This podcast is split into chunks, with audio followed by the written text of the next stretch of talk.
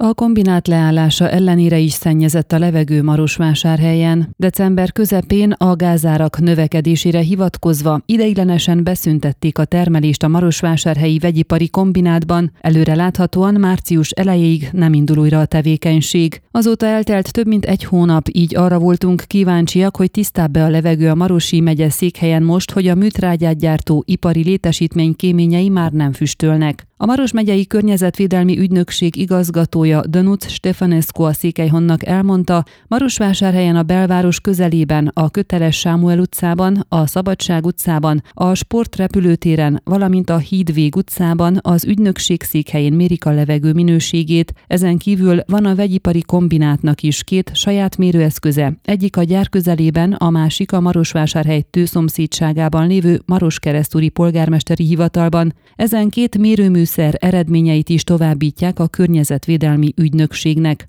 A honlapunkon megvannak a napi adatok, és ott is meg lehet nézni, hogy novemberhez, de decemberhez képest nem változott a levegőben mért ammónia értéke az elmúlt időszakban. Ez azt jelenti, hogy a vegyipari kombinát működésétől függetlenül alacsony az ammónia koncentráció a levegőben. Igaz, hogy amikor működött a kombinát voltak napok, amikor csípős ammónia szagot éreztek a vásárhelyiek, és erre panaszkodtak is, de akkor is a megengedett határérték alatt volt az ammónia mértéke a levegőben, fejtette ki az igazgató. Ha a levegő minőségét nézzük, a napi adatok függvényében azt látjuk, hogy elsősorban a szállópor, az úgynevezett PM10 esetében van többször határérték megközelítés vagy túllépés. A szállópor tulajdonképpen azokat a nagyon kicsi szemcséket és folyékony részecskéket jelenti, amelyek olyan kicsik, hogy nem ülepednek le.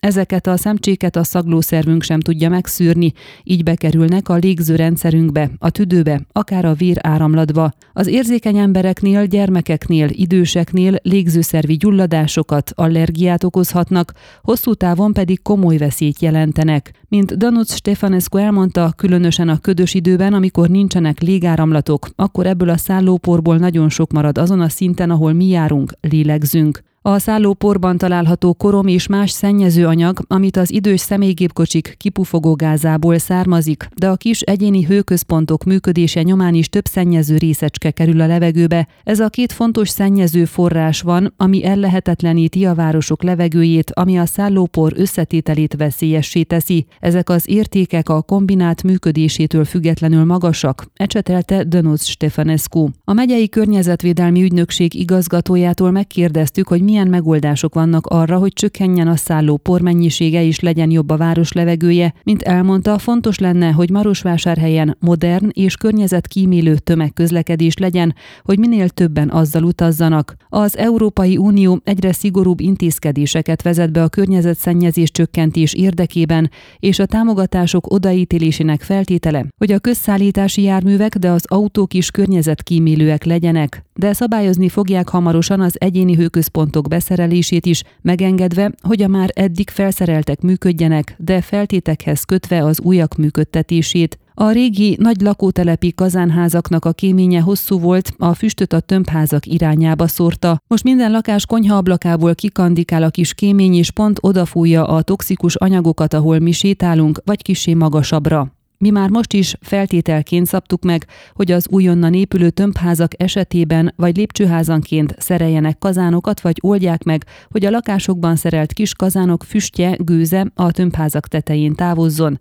Fejtette ki a Környezetvédelmi Ügynökség Maros megyei vezetője. A napi Marosvásárhelyi méréseket a Környezetvédelmi Ügynökség honlapján lehet követni.